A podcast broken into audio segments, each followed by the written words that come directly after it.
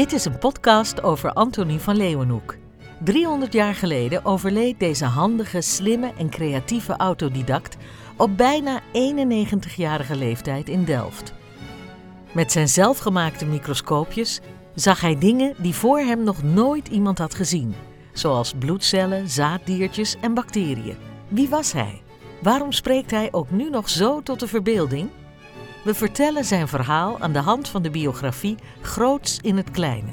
En laten historici aan het woord en ook wetenschappers die zeggen schatplichtig te zijn aan Van Leeuwenhoek. Dit is aflevering 3.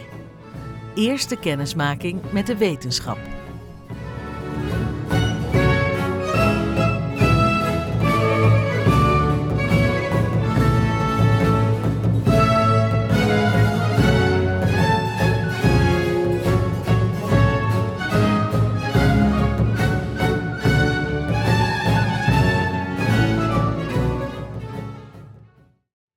Het is 1672. Antonie van Leeuwenhoek en Cornelia Zwalmius zijn één jaar getrouwd. Voor de Republiek der Zeven Verenigde Nederlanden is 1672 een rampjaar. Grote delen van het land worden onder de voet gelopen door de Fransen. Britse oorlogsschepen blokkeren de havens. Nederland is radeloos, reddeloos, redeloos.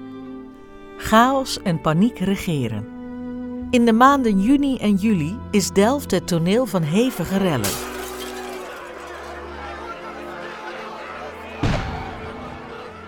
Wat betekent dit voor Van Leeuwenhoek? Kan hij zijn werkzaamheden als wijnroeier, landmeter en textielhandelaar nog wel uitoefenen? We weten het niet. Wat we wel weten is dat hij zich steeds meer ging verdiepen in de natuurwetenschappen. En het lijkt logisch dat deze interesse in sterke mate werd gestimuleerd door de omgang met zijn nieuwe schoonfamilie. Anthony is namelijk door zijn huwelijk met Cornelia in een ander milieu terechtgekomen. Zijn nieuwe bruid komt uit een familie met veel academici. Haar vader Johannes Swalmius had in Leiden gestudeerd en was predikant te Valkenburg, een van de vele predikanten in de familie. Cornelia's broer Adrianus is gepromoveerd medicus en een neef, Adriaan Swalmius, wordt later zelfs advocaat bij het Hof van Holland. Wetenschap wordt in de Gouden Eeuw uitsluitend beoefend door welgestelden. En ook Anthony zit bepaald niet om geld verlegen. Zijn grootvader, de mandenmaker Tonis Philips, heeft hem een flink bedrag nagelaten en zelf doet hij met al zijn baantjes ook goede zaken. Ook de familie van Cornelia zit er warmpjes bij en zonder geldzorgen kan Anthony zich vele uren per dag wijden aan zijn grote passie: het onderzoeken van allerlei objecten met zijn zelfgemaakte microscoopjes. Het is niet precies bekend wanneer hij hiermee begon, waarschijnlijk al in 1659. Hij was toen 26 jaar en net begonnen als lakenhandelaar. In dat vak werkte men met dradentellers, instrumenten met een vergrootglas die gebruikt werden om de kwaliteit van stoffen zoals laken, vlas en wol op waarde te schatten. Dit moet de jonge Anthony op ideeën hebben gebracht.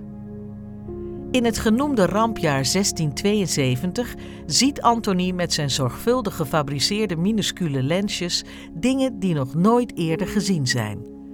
Maar hoe kan hij zijn spectaculaire bevindingen wereldkundig maken?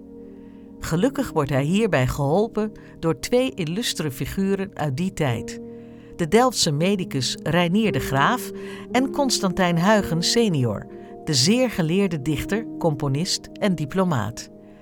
Beide heren zijn gefascineerd door Antonies ontdekkingen en ze doen hun best om Antony aan te bevelen bij het meest vooraanstaande wetenschappelijke genootschap uit die tijd, de in 1660 opgerichte Royal Society in Londen. Reinier de Graaf leefde van 1641 tot 1673. Hij vestigde zich als arts te Delft. Hij had, en dat was heel bijzonder voor die tijd, weinig last van hokjesgeest. Hij was rooms-katholiek en de negen jaar oudere Antonie van Leeuwenhoek, een van zijn beste vrienden, was Calvinist. De graaf was diep onder de indruk toen hij een aantal microscopische preparaten van Antonie te zien kreeg. Hij vond dat de wetenschappelijke wereld hiervan moest weten en kwam in actie.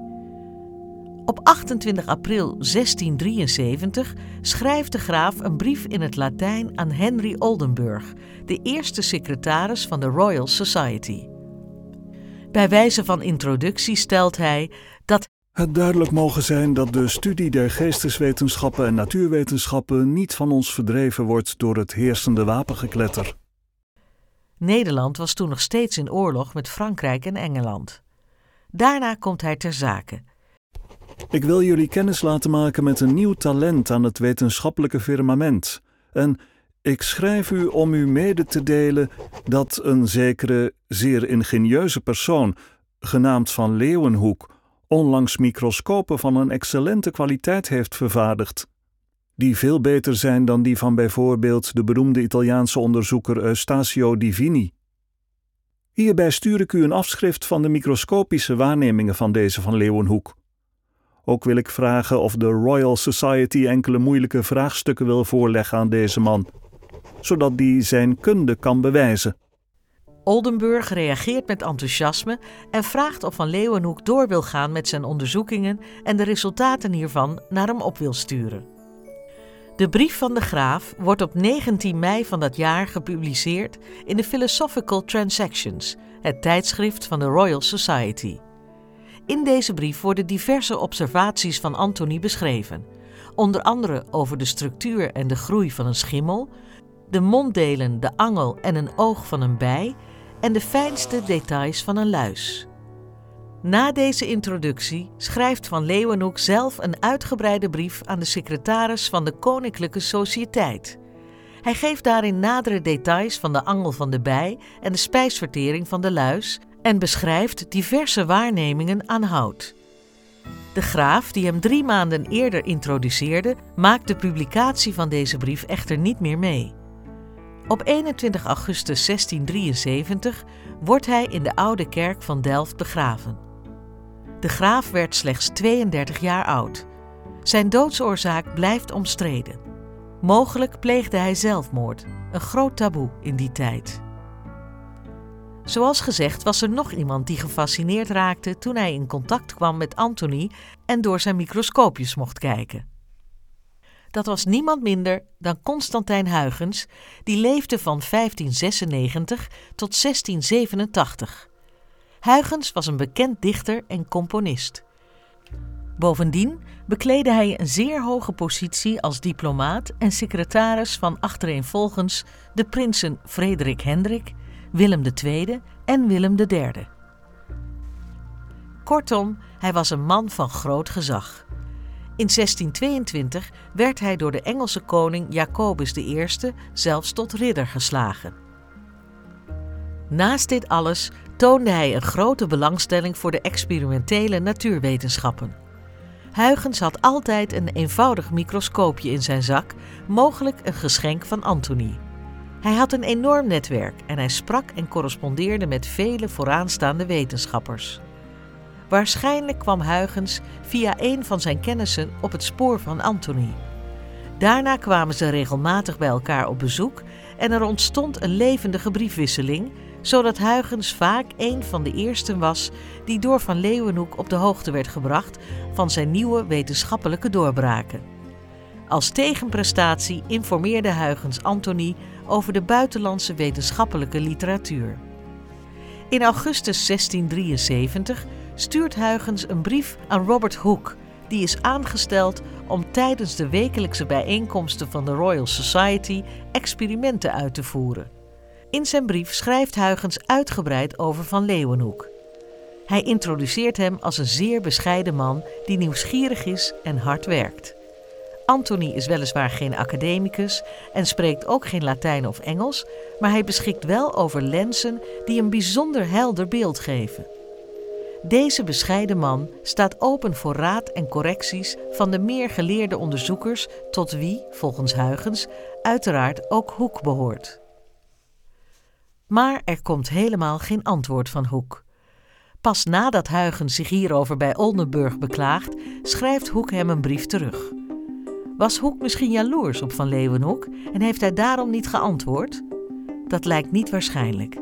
Andere verklaringen liggen meer voor de hand. Hooke was heel erg druk met het uitvoeren van zijn proeven voor de veel eisende leden van de Royal Society. Daarnaast schijnt hij sowieso niet veel op te hebben gehad met onderzoekers van buiten Engeland, zeker niet met Hollanders in tijden van oorlog. Van een persoonlijke rancune tegen Anthony lijkt dus geen sprake. Hoe dan ook, Hoek speelt hierna zeker een belangrijke rol bij het reizen van de ster van Van Leeuwenhoek. Robert Hooke leefde van 1635 tot 1703. Hij is geboren op het eiland White, enkele kilometers ten zuiden van het Engelse vasteland. Als kind heeft hij een grote belangstelling voor de vele fossielen die op het eiland te vinden zijn. Als hij 13 is, overlijdt zijn vader en komt hij terecht op een school in Londen waar zijn talent voor wetenschap snel wordt ontdekt. In 1653 gaat hij in Oxford studeren en wordt de assistent van Robert Boyle, een van de oprichters van de Royal Society. Hooke is een echte alleskunner.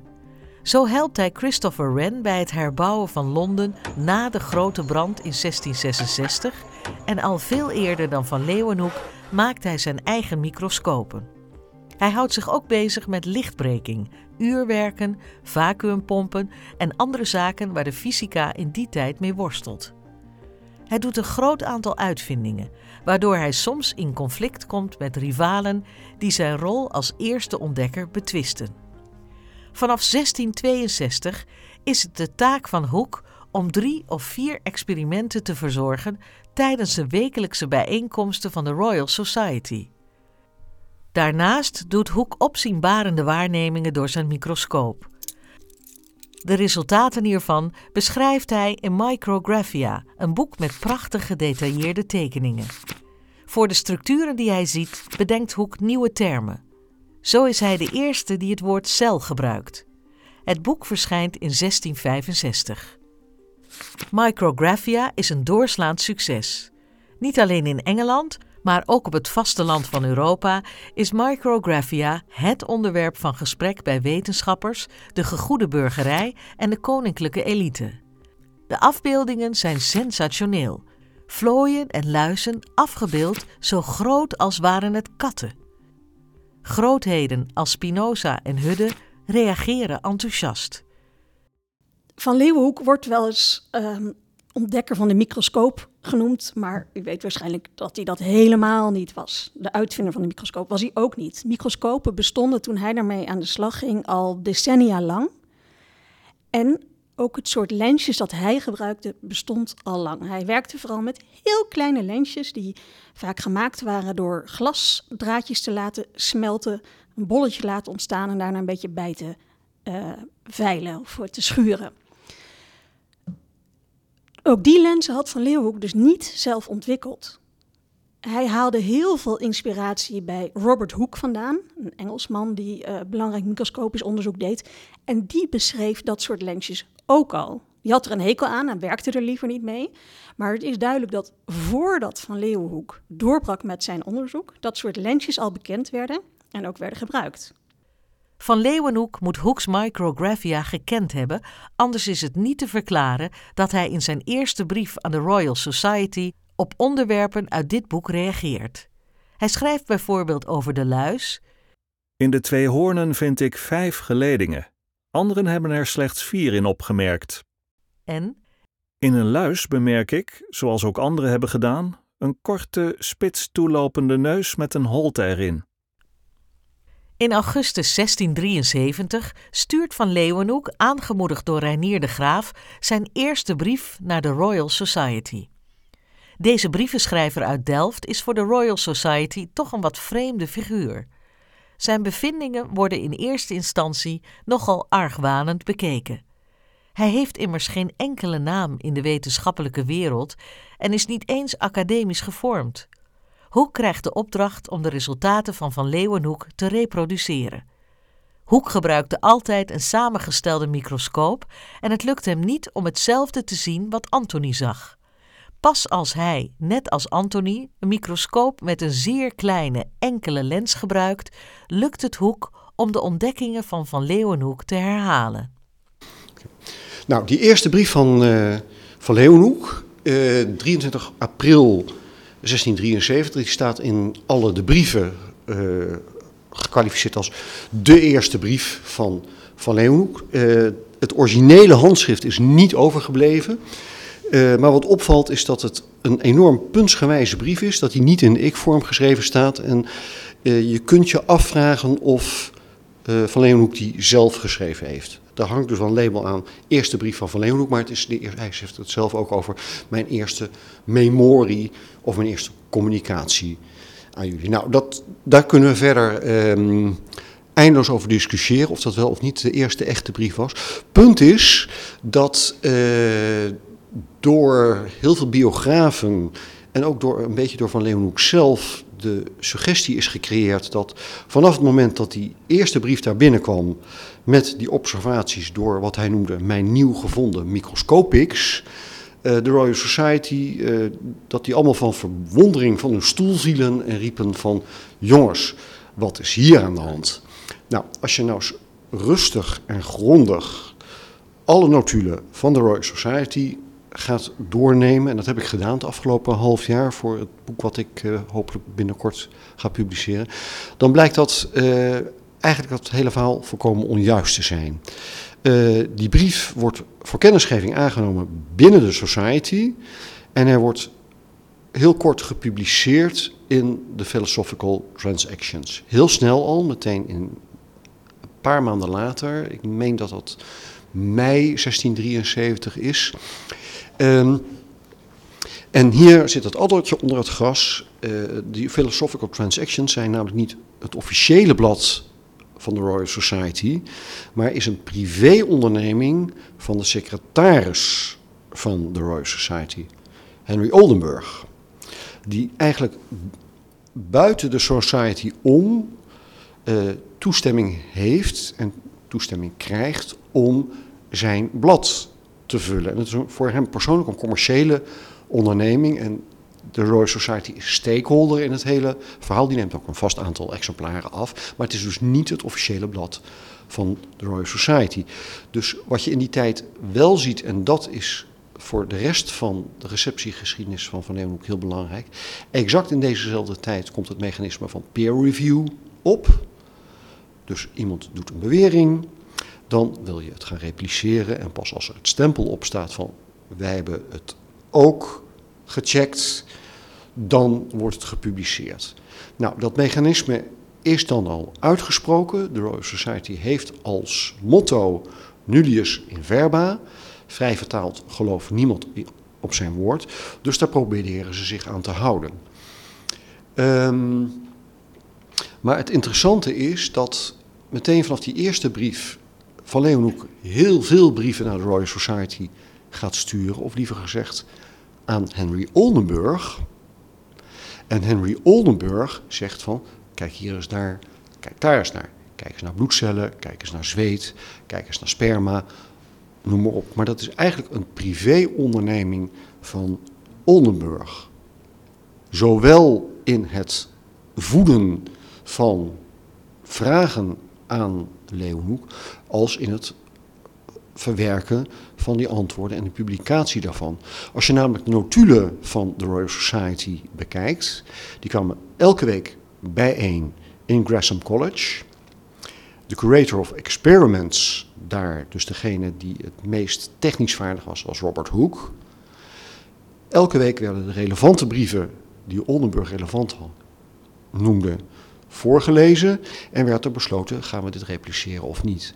En tussen die eerste brief, april 1673, en de beroemde brief over de kleine diergens, 9 oktober 1676, is er geen één communicatie, geen één brief van Van Leeuwenhoek besproken binnen de Royal Society. Dus alles wat wij denken te weten over hij wordt direct omarmd door de Royal Society, klopt niet. Het is Oldenburg, een 1 2 Oldenburg, Leeuwenhoek en de publicaties komen dus voort uit Oldenburg zonder dat er een officieel stempel op staat. En dan komt dus de beroemde, baanbrekende, revolutionaire brief over die kleine diertgens, en dan komt de Royal Society meteen in actie. En dan hebben ze in de gaten van jongens, hier is iets heel belangrijks aan de hand. En als we het verhaal van, van Leeuwenhoek volgen, als we zijn brieven bekijken, dan zie je dat hij in zijn brieven constant klaagt over ze wilden me niet geloven.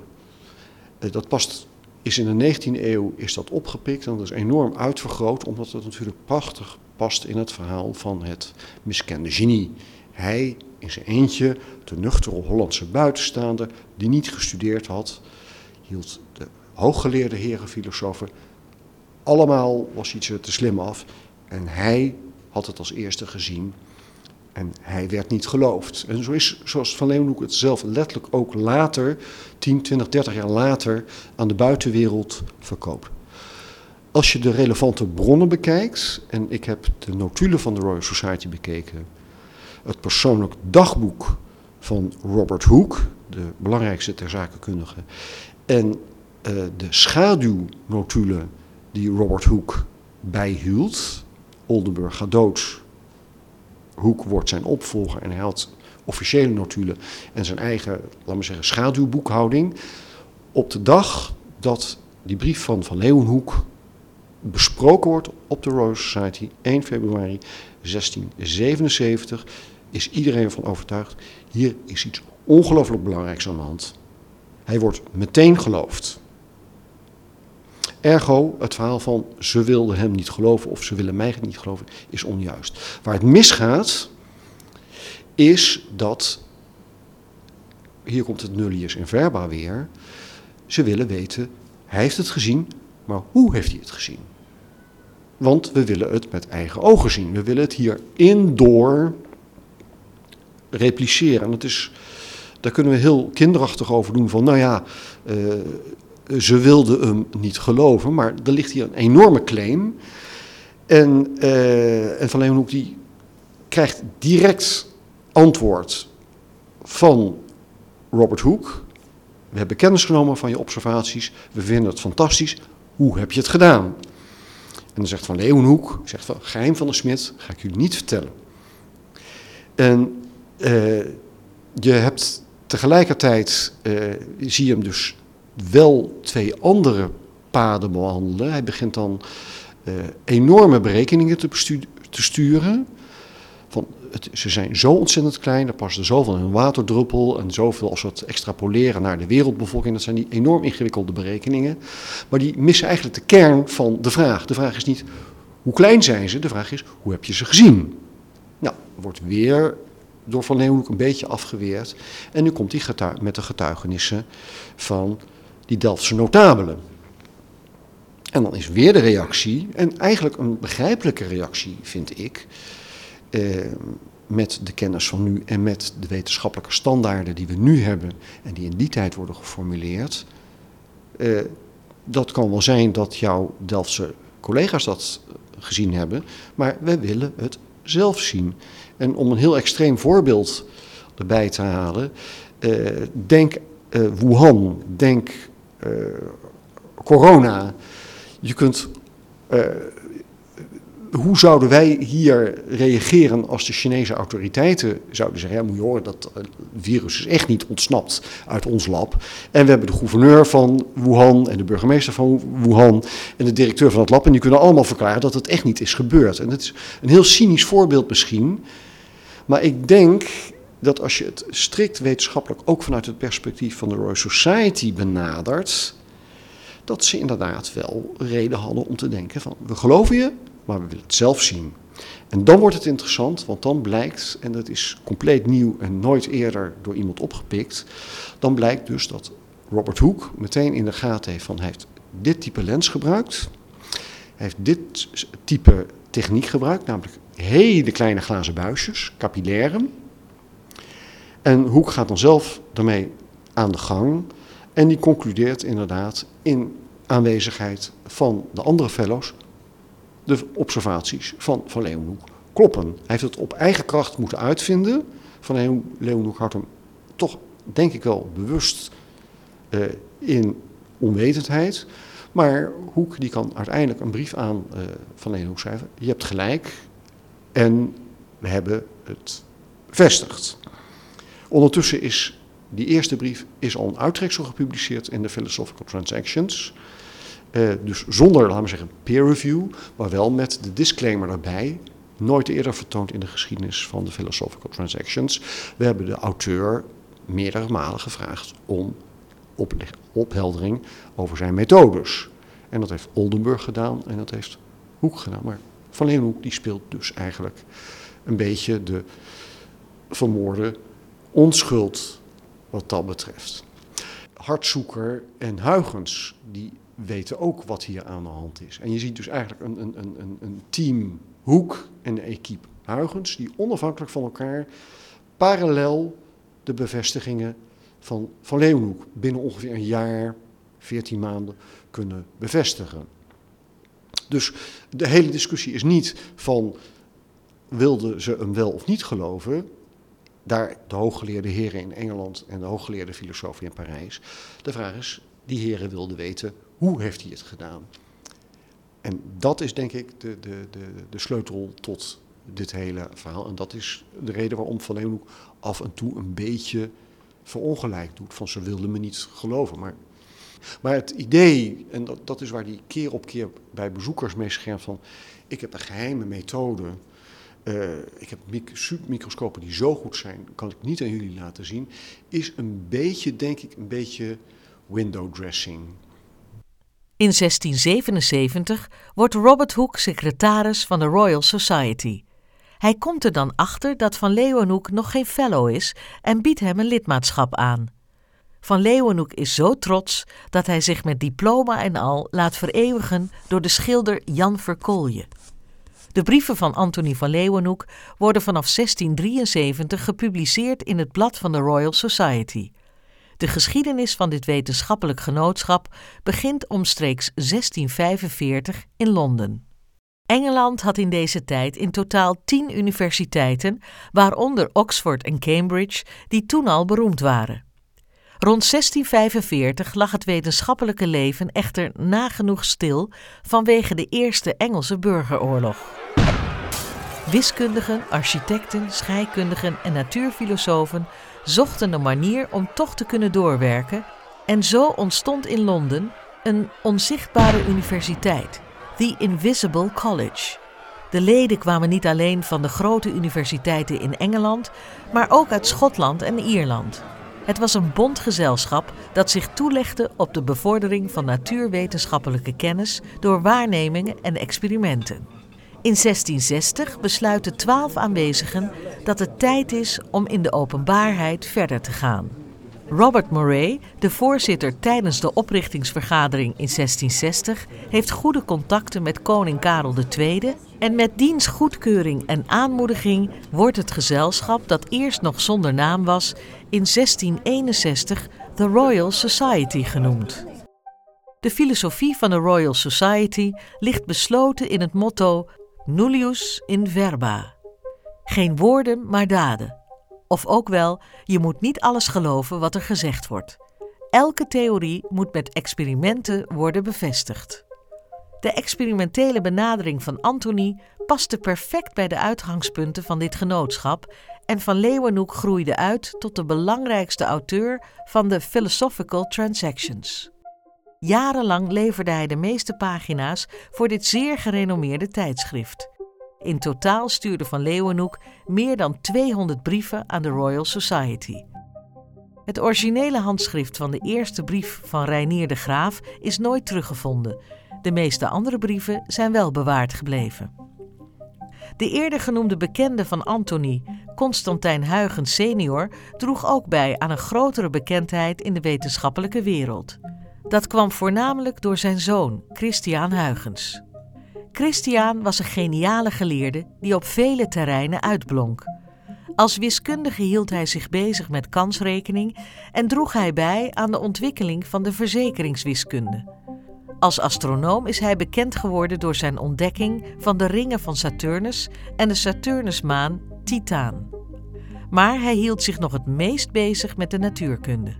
Als eerste beschreef hij de middelpuntvliedende kracht.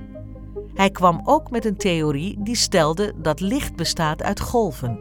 Een inzicht dat samen met het door Newton beschreven deeltjeskarakter van licht uiteindelijk heeft geleid tot de moderne kwantummechanica.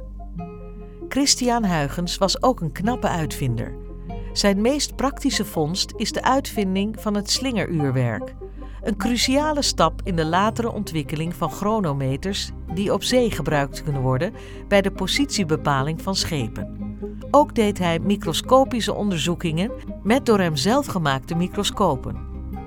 Christian was, oorlog of geen oorlog, door de Franse koning Lodewijk XIV benoemd als wetenschappelijk directeur van de Académie des Sciences in Parijs en uiteraard ook een gerenommeerd lid van de Royal Society in Londen.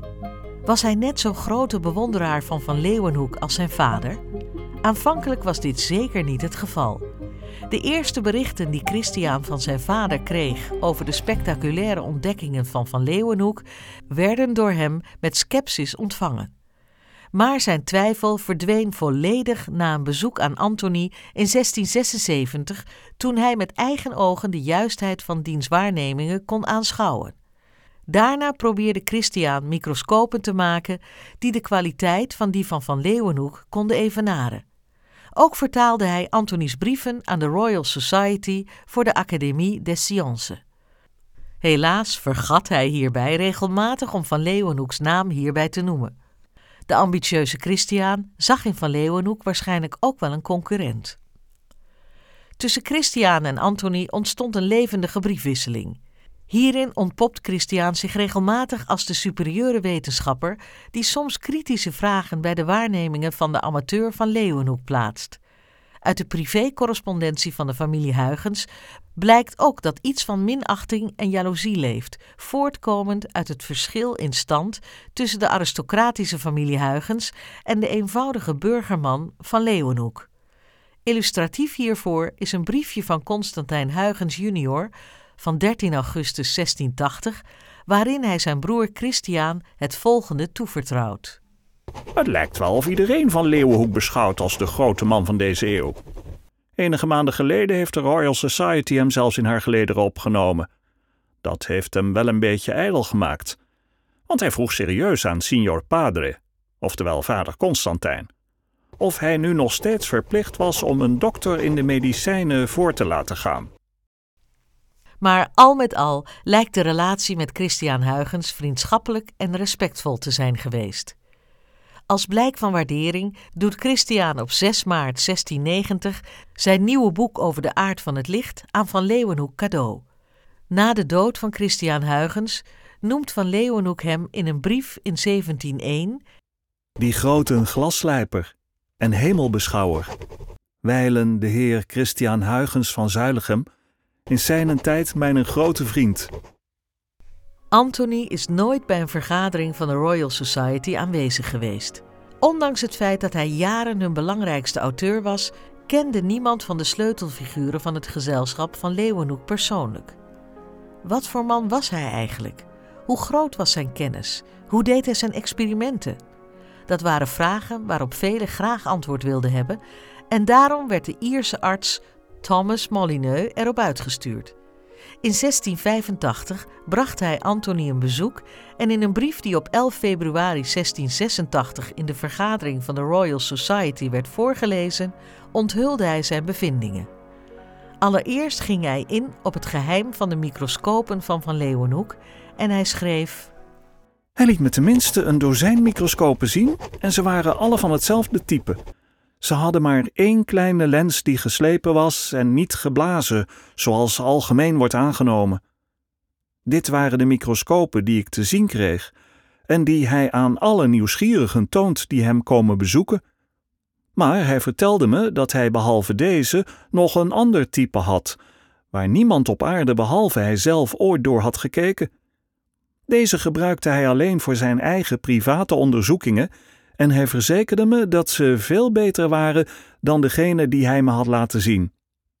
Maar helaas, ook ik mocht ze niet bekijken, dus alles wat ik kan doen is geloven dat hij de waarheid sprak, want ik heb ze niet met mijn eigen ogen gezien. De microscopen die ik wel te zien kreeg vergroten niet veel meer dan de diverse lenzen die ik in Engeland en Ierland gezien heb.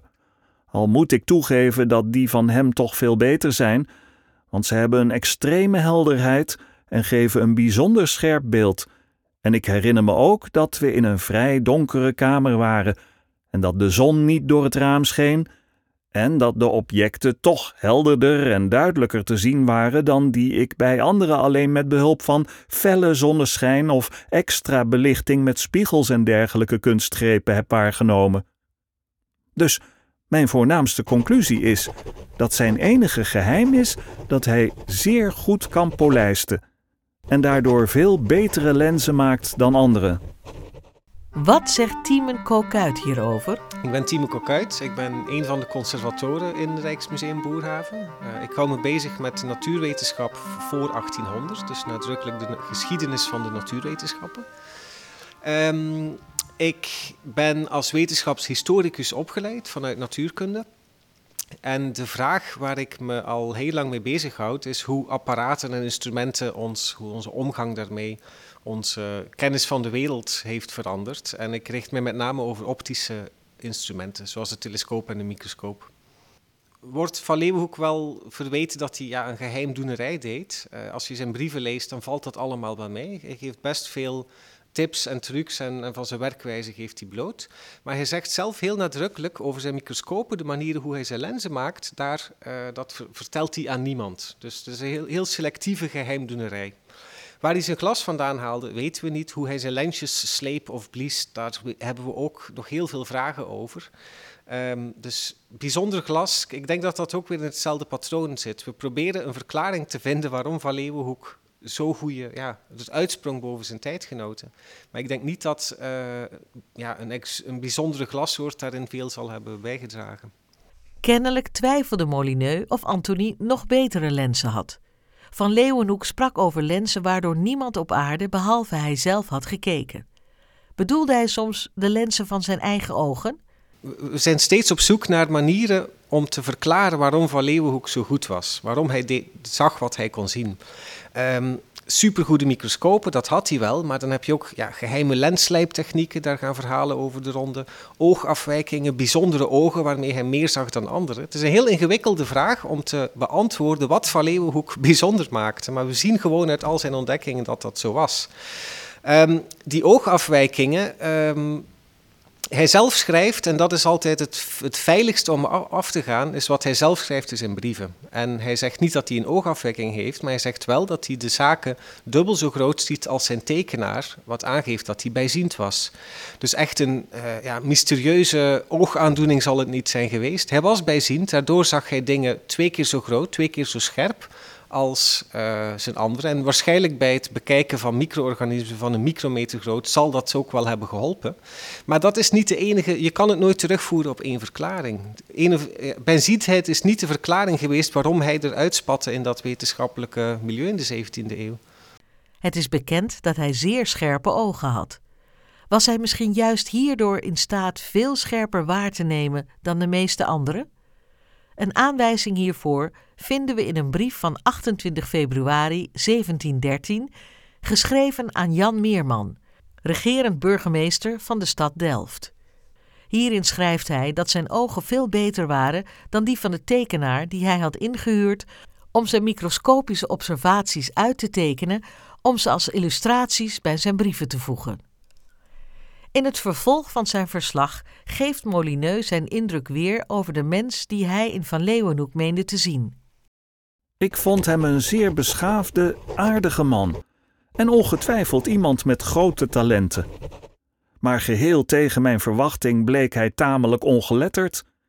Hij beheerste nog de Latijnse, nog de Franse en de Engelse taal, of welke andere moderne taal dan ook, behalve zijn moedertaal.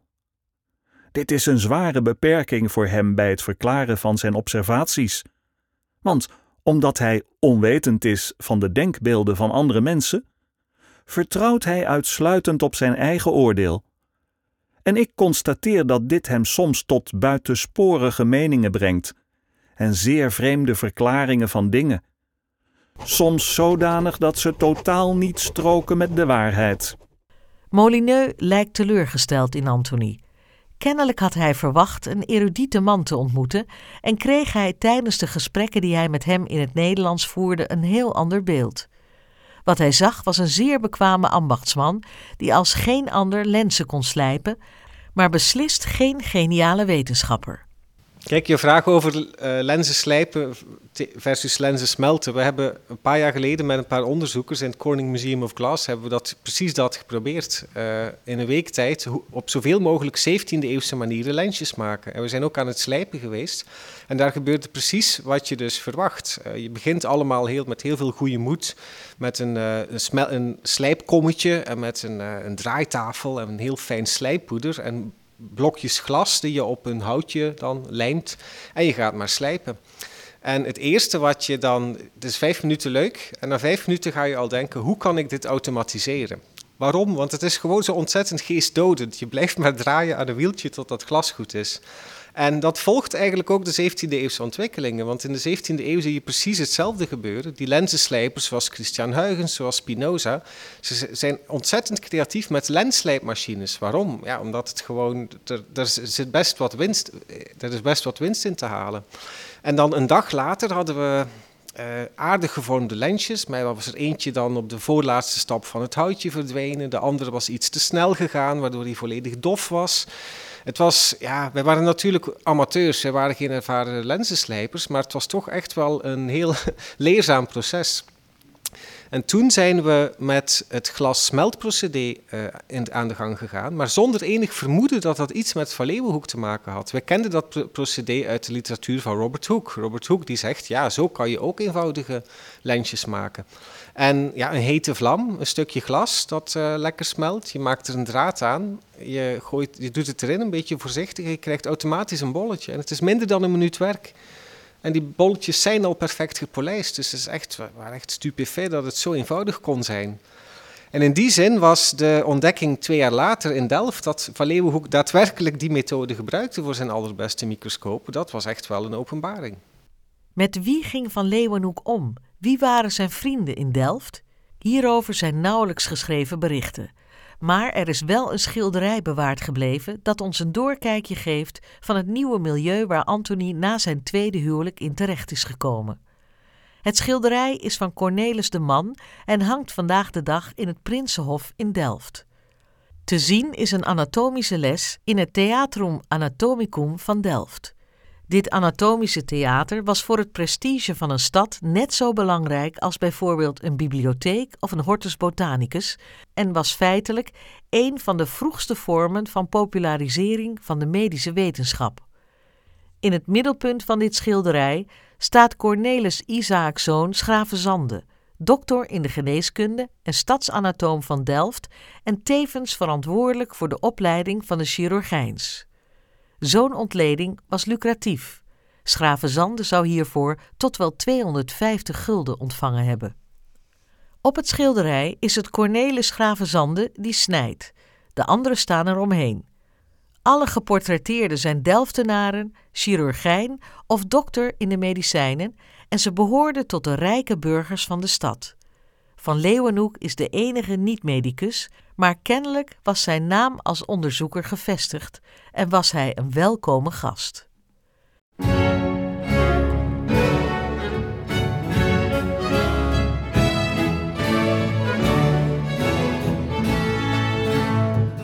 Deze podcast over Antonie van Leeuwenhoek werd gemaakt door de Microbenclub in samenwerking met Videofixers. U luisterde naar aflevering 3, voorgelezen door Carolina Mout. De volgende aflevering gaat over de microscopen van Van Leeuwenhoek.